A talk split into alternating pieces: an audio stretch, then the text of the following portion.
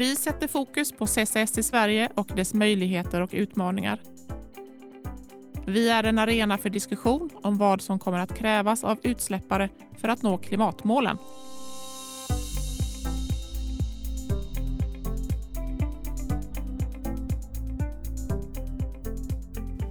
Välkommen till CCS-panelen. Jag som är programledare heter Sara Davidsson och jag arbetar till vardags som hållbarhetschef på Midrock Europe. Jag sitter i en studio i Göteborg och med mig från Oslo har jag Tone Bäckestad, marknads och kommunikationschef på CO2 Capsol. Välkommen Tone! Tack så mycket Sara! Du eh, Tone, vad gör CO2 Capsol?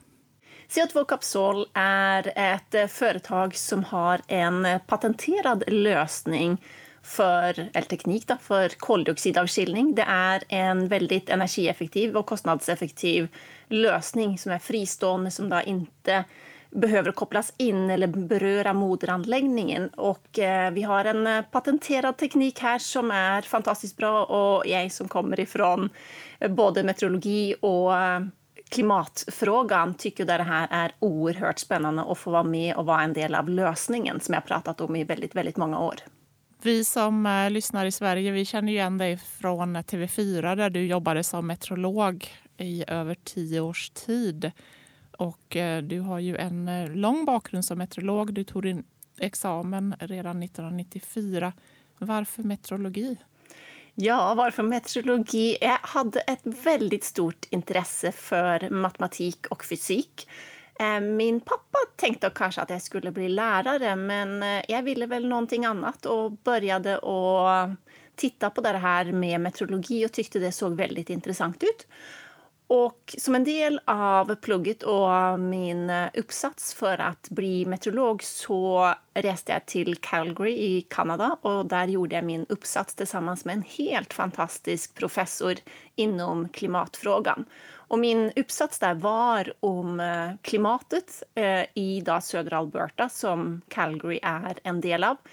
Och um, det som var intressant med det här var att jag verkligen fick upp ögonen för klimatet och vad ett förändrat klimat kan ha att säga för människor.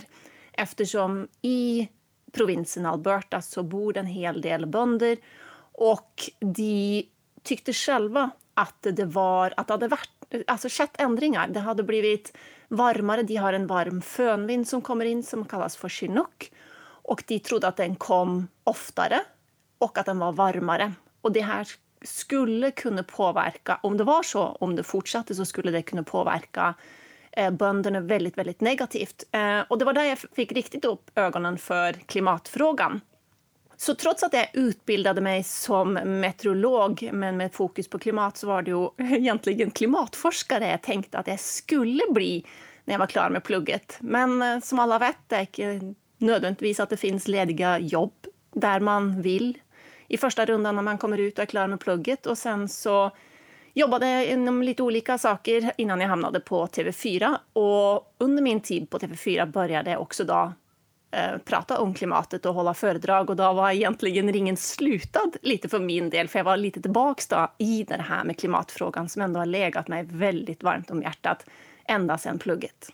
Ja, men precis. Och eh, du har ju inte valt den teoretiska banan då, men du har ju ändå fått förkovra dig och bidragit mycket till klimatutbildningen av oss andra. Du har bland annat skrivit en bok, Nu jäklar är det dags, och den ska inspirera till klimatsmarta val. Berätta för oss lite om den boken. Ja, den boken eh, kom till eftersom jag hade då redan eh, hållit föredrag om klimatförändringar under ett par års tid. Och det jag upplevde när jag var ute och föreläste, för på den tiden så var det fortfarande, jag började typ 2007 att föreläsa, då var det fortfarande mycket kring det här med men händer det egentligen någonting? Är vi helt säkra på att det är klimatförändringar, att det inte bara är naturliga variationer och så vidare. Så jag pratade då mycket om klimatförändringarna och hur det skulle kunna påverka oss. Men det jag insåg var att människor, det kändes som att de um, lite struts, alltså de ville slicka huvudet i sanden för det konsekvenserna, de negativa konsekvenserna um, som ett resultat av klimatförändringarna, det ser ju inte särskilt ljust ut. Uh, vilket gjorde att det blev helt enkelt för mörkt för människor till att vilja ta in över sig vad som händer. Och då är det bättre att sticka huvudet i sanden. Så jag kände att jag behöver en ny taktik för att se till att jag får med mig människor till att förstå problematiken men samtidigt också bidra till att göra någonting för klimatet. Och eftersom pengar är det som driver oss, det är det företagen bygger på, så tänkte jag att okej, okay, om jag kan motivera och inspirera genom exempel på, som visar att det faktiskt är möjligt att spara pengar och tjäna pengar på att vad ska säga, nya affärsmodeller, energieffektivisering, nya lösningar. Så jag gjorde en hel del research för att eh, helt enkelt hitta vad, vad finns det av bra exempel där ute på vad man kan göra för klimatet men som också då sparar pengar eller gör att man tjänar pengar. Och det var det som var utgångspunkten för min bok. Att förklara mera för människor på ett enkelt sätt om klimatförändringar men med fokus på lösningar. Ja, jag tänker som hållbarhetschef så möter jag ofta uppfattningen att eh, klimat och miljö eller för den delen andra förändringar mot hur vi gör idag är dyrt. Vad är din kommentar? Ja, och det är ju gärna det man får som kommentar. Och det var ju lite det också som då var mitt utgångspunkt här. Eh, och det är någonting med det att försöka då att, att nå fram och få människor att förstå att nej, det är inte så. Man kan börja faktiskt med att titta på hur kan vi, alltså hur ser det ut i en egen organisation till exempel om man är ett företag? Finns det ställen där man slösar resurser? Det kan vara energi, det kan vara människor, det kan vara vatten. Så man på olika sätt helt enkelt bara kan titta över sin egen organisation och se på vilket sätt man faktiskt kan spara pengar. Och här finns det väldigt, väldigt mycket. Och förutom det så kan man också titta på kanske vi inte ska äga allting som vi äger idag. Allt ifrån en dator till en diskmaskin, torktrumlare, eh, egentligen vad som. Det kanske, vi kanske ska se på nya sätt runt det här med ägande som gör att vi får en mer hållbar produktion av våra varor. Och det har ju presenterats en rapport, nu är den några år, men det var Ellen MacArthur Foundation och McKinsey Company tittade på till exempel cirkulär ekonomi, att man ser mera på det här hur man bygger eh, produkter så som man gjorde med lego när man var liten. Att man bygger allting för att kunna plocka isär de här produkterna och använda alla delarna igen eller att det ska kunna gå, gå tillbaka till naturen. Och den här rapporten visade att bara inom EU så skulle företagen i EU kunna uppnå årliga besparingar på så mycket som 464 miljarder euro genom att gå över till en cirkulär ekonomi. Helt enkelt att tänka mer igenom hur man producerar och producera då på ett smart sätt så att man inte producerar, använder och slänger, men att man producerar, använder och sen ska den här gå tillbaks. Antingen som en ny produkt som delar till en ny produkt eller som sagt tillbaks till naturen. Och här finns det väldigt, väldigt många bra exempel egentligen på att utvecklingen går åt fel håll. Om man tar en tvättmaskin till exempel. En bra tvättmaskin har en livslängd på 10 000 timmar. Och den är gärna byggt så att man ska kunna plocka isär allting igen och att det kan användas på nytt, alltså cirkulär ekonomi. Medan en dålig tvättmaskin, som det finns en hel del av på marknaden idag, men en dålig tvättmaskin kan ha en livslängd på 2500 timmar. Det vill säga alltså en fjärdedel bara så lång livslängd. Det betyder att vi använder fyra gånger så mycket material och produkter som det vi gör på en bra tvättmaskin. Och den här dåliga den är byggt på ett sätt som gör att den inte kan plockas isär. Det här är en av de sakerna som jag upplever när man är ute och pratar och man då möter den här, här lite kritiken att det, det blir dyrt. Man, fler och fler börjar ändå få upp ögonen för att det finns andra sätt att göra det på. Kanske vi helt enkelt ska, ska tänka nytt. Eh, eller belysning. Bara det att byta till ny belysning. Det, det kan kännas som att det blir väldigt dyrt för LED-belysning är fortfarande betydligt dyrare. Men om man tittar på en investering i en LED, vad LED-belysning skulle kosta för en stor fastighet till exempel, så, så finns det exempel på eh, fastigheter som har fått ner energikostnaden med 60 procent, sparar drygt 200 000 kronor om året och att det här, den här investeringen betalar sig på under två år. Och det finns väldigt många sådana exempel som visar att det är mycket att spara. Smarta soptunnor, eh, belysning längs med vägarna. Eller om jag får dra ett annat exempel som jag tycker är väldigt enkelt men väldigt roligt. Eh, Gunhild Stordalen. Medan hon fortfarande var eh, gift med Petter Stordalen så på en del av hotellet så ville hon testa för de hade väldigt mycket matavfall. Och det kostade mycket pengar och hon kände att det här var slösande. Så hon ville testa om man i restaurangen, och det här gäller ju framför allt när det är buffé och man går och plockar mat själv. De hade tallrikar som var 24 centimeter i diameter. Vad händer om man drar ner tallriksstorleken till 20 centimeter i diameter? De testade det här både för att se känner gästerna att de här mindre tallrikarna känns lite fjuttiga och kommer det att helt enkelt göra någon skillnad. Och det gjorde det. 25 procent mindre matavfall genom en så enkel grej som att de bytte ut tallrikarna från en storlek till en mindre storlek som gör att människor inte plockar med sig mer än det de faktiskt äter. Och sånt tycker jag är fantastiskt roligt att berätta om när jag håller mina föredrag och då inspirera till en förändring fascinerande. Och Tone, du har ju myntat begreppet Go Green by Black Numbers. Tone, när vi har dig nu i studion så ska vi ju dels eh, dyka ner i det här med infångning av koldioxid, vilket är det som du jobbar med idag på CO2-kapsol. Men vi ska också passa på att eh, djupdyka, att prata om klimatet, vilket ju är ditt expertisområde. Men först tre snabba frågor och då måste du svara snabbt. Sverige eller Norge? Åh, oh, den där är svår, men jag måste nog ändå säga Sverige. Trots att jag bor i Norge nu så måste jag säga Sverige. Alltså jag, jag älskade att bo i Sverige och jag gillar svenskar. Det blir kort svar, men ja, Sverige. Och där tappar vi våra norska lyssnare. Du, ja. lågtryck eller högtryck? Högtryck. Optimist eller pessimist?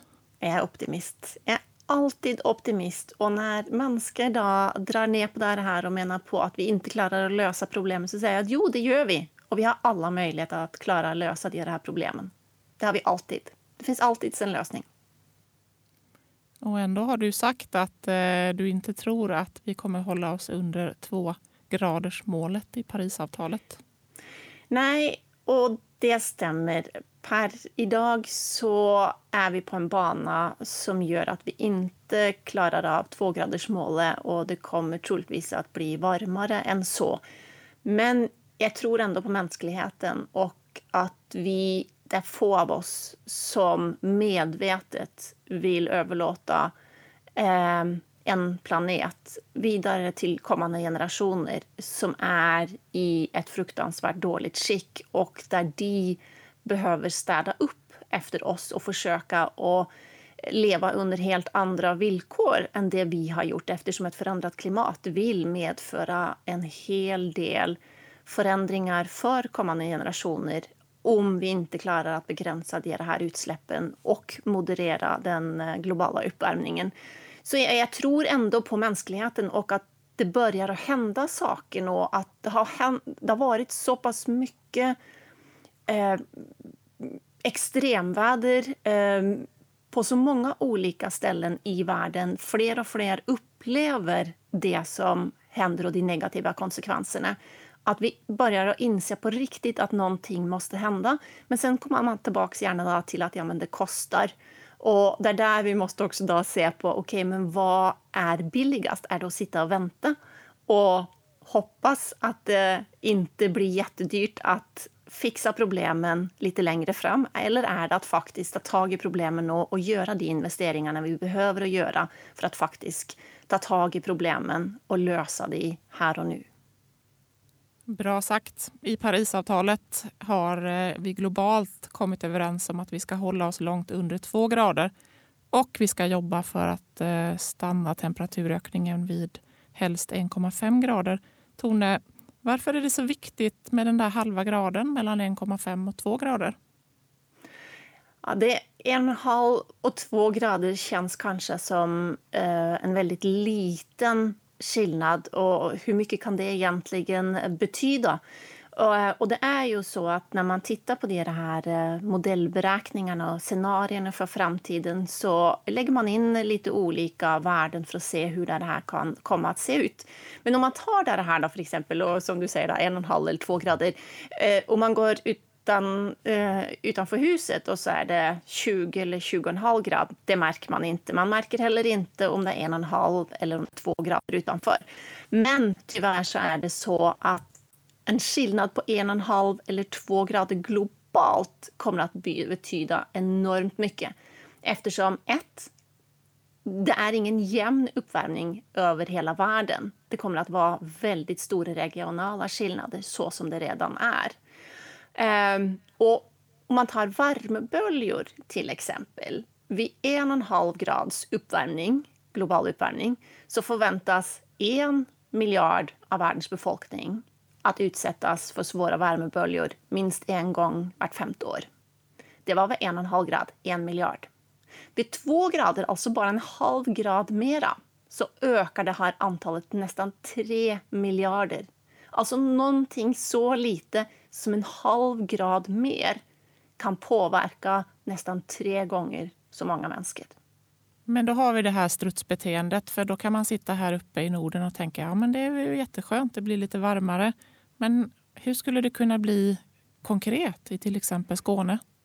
Det som eh, är intressant där är ju det är väldigt lätt där att sitta och tänka ja men eh, det här hemma hos oss, du vet, lite varmare skulle ändå kunna vara lite skönt. Och Eh, det, det, är ju den här sommaren som vi har, den är ju ofta lite ostadigt väder och det skulle vara skönt om man kunde få lite varmare väder.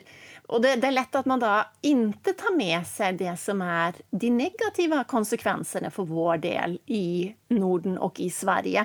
Och det är ju överlag mera nederbörd. Och det gäller i stort sett under alla årstider, men framför allt höst, vinter och vår och havsnivåhöjning när du nu tar in det här med Skåne. Det är väldigt många delar av landet som ändå, där vi bygger på ett sätt som gör att vi, vi har en ganska stor risk under de närmaste åren och de 50 till 100 nästa åren att det är flera områden där det kommer att vara omöjligt att bo eller det kommer att vara nästan till omöjligt att få en försäkring för din bostad till exempel därför att det är alldeles för stor risk för översvämning. Samtidigt har vi då havsnivåhöjningar. Vi måste se också på det här med infrastruktur. Jag tycker man ser att trots att vi redan har kunskap om hur nederbörden har förändrats, alltså nederbördsmönstren och den ökade risken för kraftiga skyfall som kan medföra att det strömmar ner mera vatten mot vägar och vägtrummor som då kan sköljas bort och så vidare så byggs det ändå mycket på den här malen eller den kunskapen man hade om hur det såg ut tidigare. Och det, nederbörden är det som framförallt kommer att påverka oss mest i Sverige. Ibland så kan det kanske kännas skönt att det är som sagt lite varmare, men den här ökade nederbörden och då gärna också i kombination med att det blir betydligt, betydligt varmare. Jag sa det tidigare, det blir ju ingen jämn fördelning av den här temperaturen. Det är ju lite olika scenarier som sagt om hur det kommer att se ut framöver. Och tar man det här scenariet som är mest sannolikt per idag. Och där har man lagt in att vi har fortsatt höga koldioxidutsläpp, befolkningsökning närmare kanske 12 miljarder människor, fortsatt beroende av fossila bränslen och hög energiförbrukning och så vidare. Då kan vi räkna med att vi vintertid får temperaturer som ligger mellan 6 och 9 grader över, alltså varmare i framförallt den norra halvan av landet. Och i hela landet, skillnaden här mellan en mer restriktiv och strikt klimatpolitik eller den här som jag precis sa, det skiljer mellan 2 och, grader, 2 och 3 grader i Sverige. Det är alltså väldigt stora skillnader som gör att vi får en längre period där det är snöfritt, alltså vi får en längre period där nederbörden kommer som regn istället för som snö. Vi kommer att fortsätta få snö vissa ställen och rikligt med snö där det är tillräckligt kallt. Men den här nederbörden, ökad nederbörd överlag samtidigt som det blir varmare och mera nederbörden då kommer som regn både nu hösten, senhösten, delar av vintern, senvinter och vår kommer att kunna leda till väldigt ökad risk för rasskred och översvämningar som kommer att påverka oss på väldigt många olika sätt. Och det är den mest negativa konsekvensen för vår del här i Sverige.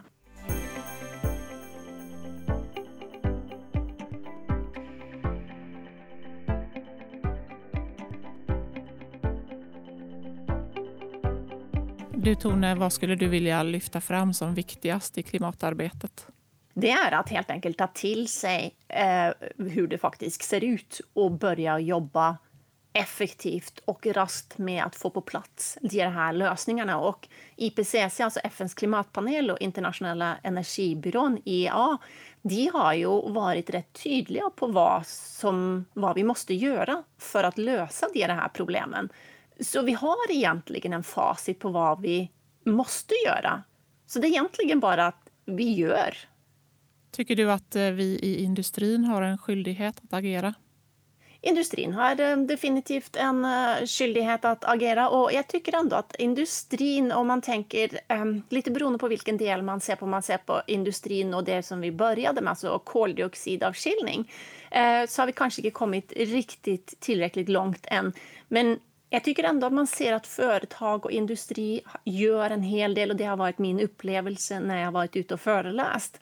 Jag tycker också att man kan se det till viss del, det som jag sa, att vi får förfrågningar eh, ifrån företag, eh, Indien, Portugal, eh, Holland och vi har ju väldigt mycket då i Skandinavien.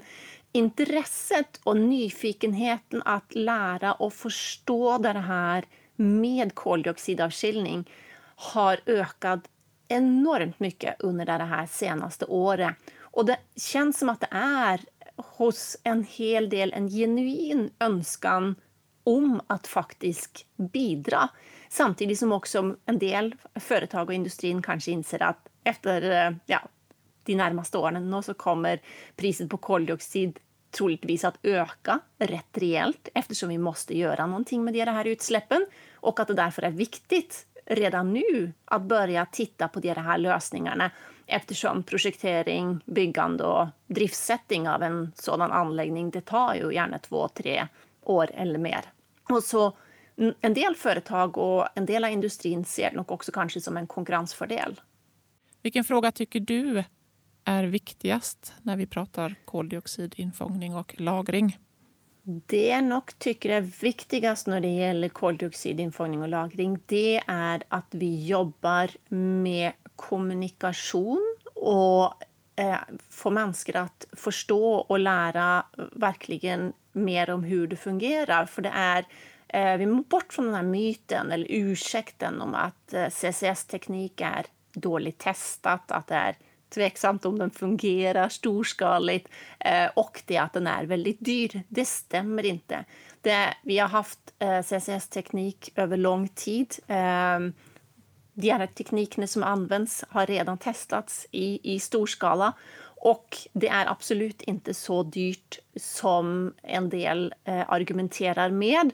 Och jag vill också säga och påstå, jag kan prata för mig och för vårt företag, är ju att vi jobbar hårt för att pressa priserna och för att se till att man egentligen i alla led av det här, infångning, transport och lagring, att vi ser till att man här jobbar med att få ner kostnaderna så att det är möjligt att realisera eh, så snabbt som möjligt eftersom det här är oerhört viktigt. Tar man till exempel, man kan säga att vi, vi får eh, eh energieffektivisera till exempel. Ja, det kan man göra i en viss utsträckning.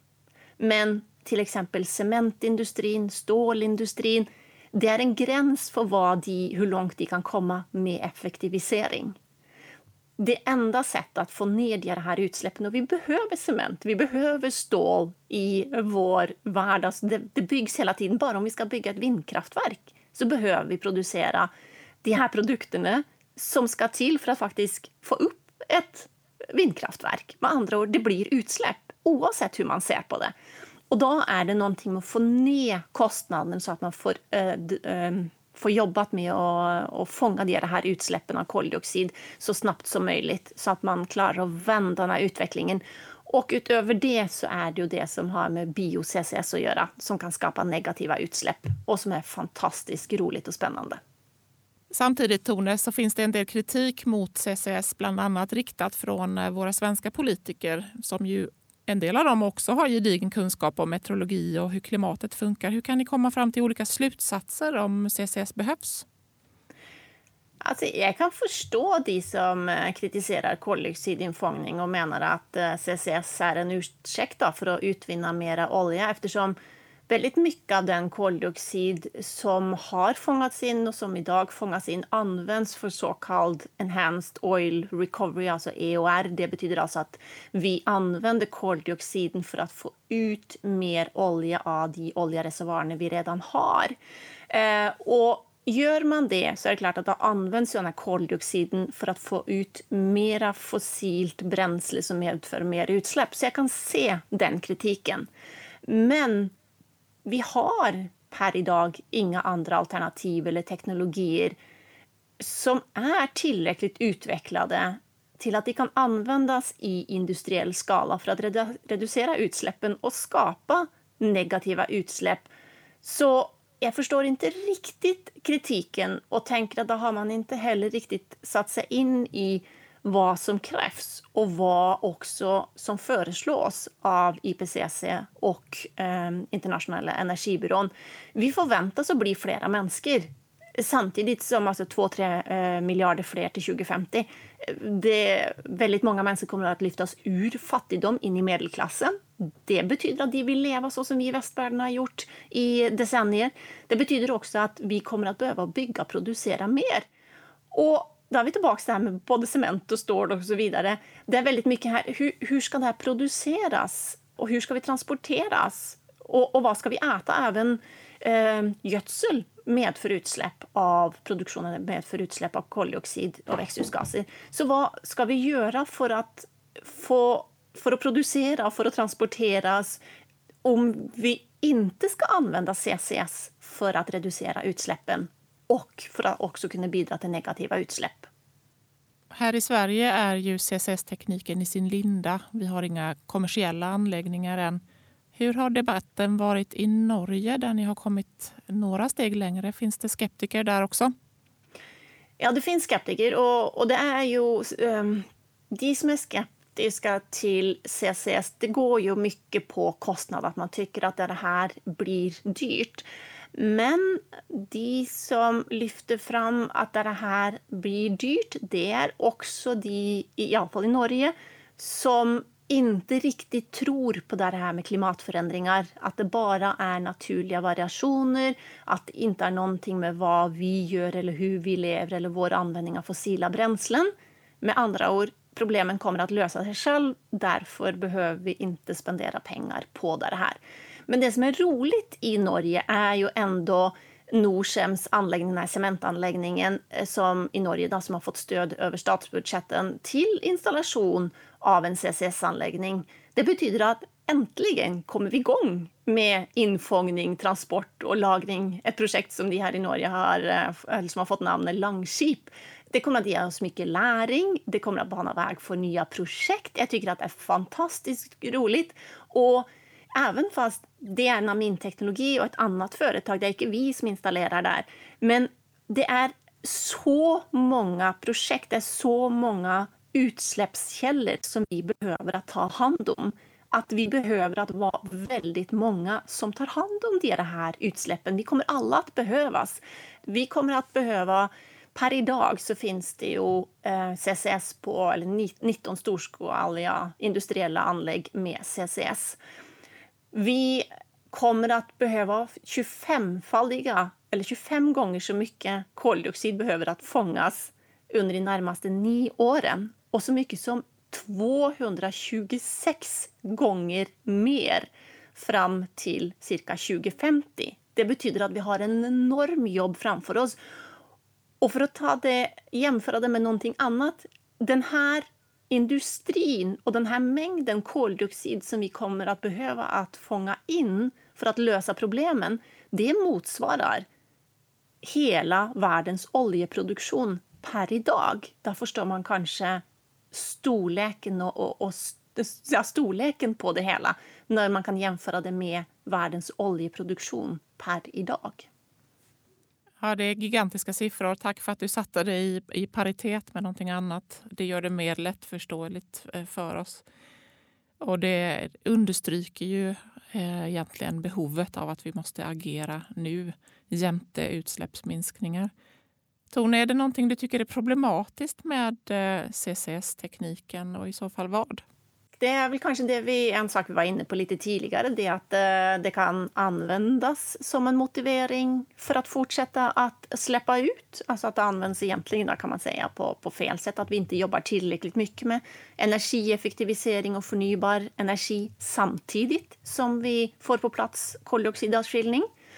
En annan sak är, som kan bli ett problem, det är ju om det tar för lång tid att skapa välutvecklade lösningar för finansiering som medför att vi inte kommer igång och därmed inte klarar att reducera utsläppen tillräckligt snabbt för att undvika att den globala medeltemperaturen stiger över då, en och en halv eller två grader.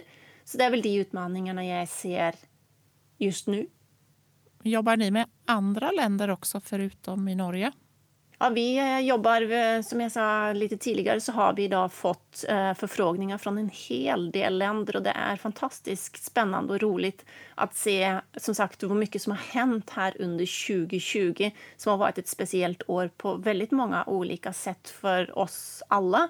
Men det här med koldioxidavskiljning har ändå fått på något sätt uppmärksamhet och att folk har börjat att förstå att det här är en möjlig lösning som kan vara med och på ett effektivt sätt bidra till att få ner utsläppen av koldioxid så som bio-CCS, vi har varit inne på det lite grann tidigare, som kan vara en fantastisk möjlighet för oss till att få negativa, alltså minusutsläpp av koldioxid. För det är ju faktiskt så att det är en del utsläpp, små utsläpp som det kommer att vara svårt att hitta en teknik för att få bort. Ehm, det kommer helt enkelt att vara svårt att eliminera de här utsläppen.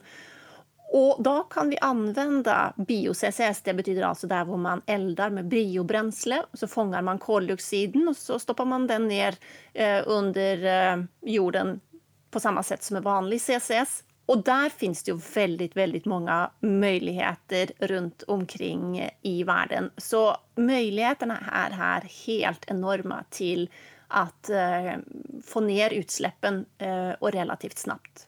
Du, Tone, i Norge så eh, har ni ju kommit långt med eh, CCS-tekniken jämfört med oss. Och det är en fantastisk möjlighet och en, jag delar din åsikt att det är en helt nödvändig teknik för att backa tillbaka och eh, sänka halten koldioxid i atmosfären.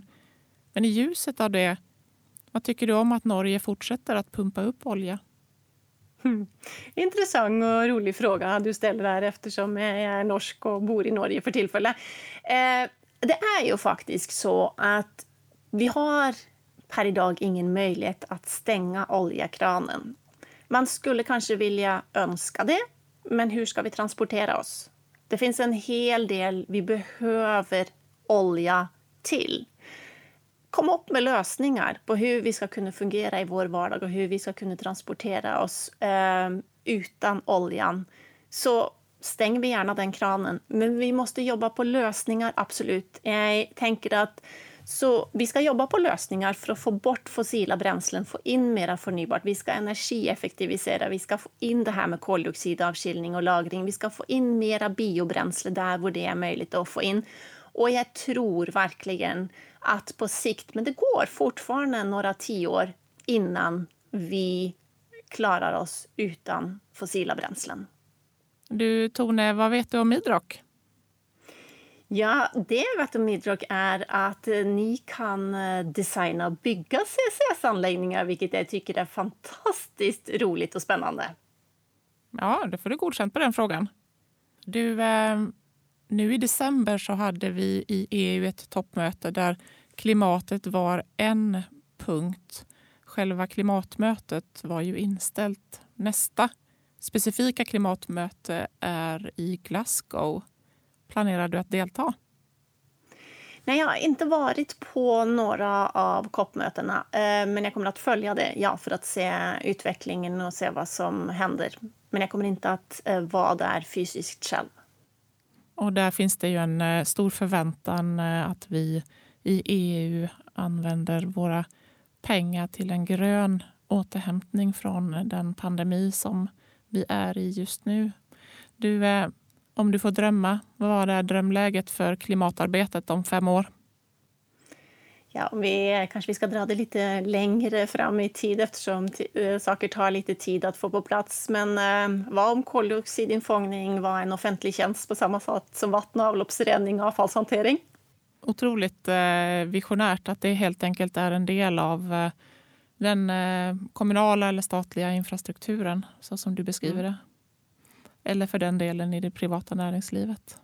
Ja. Tack för att du har lyssnat. Tycker du om det du lyssnar på, ge oss gärna feedback så att vi kan nå fler. Du hittar våra poddar där du hittar andra poddar. Skulle du vilja kommunicera med oss kan du skicka ett mejl till info.ccs midrock.se. Det här är CCS-panelen jag heter Sara Davidsson och dagens gäst har varit Tone Bäckestad. Stort tack Tone för att du har pratat med mig här idag. Stort tack Sara för att jag fick medverka.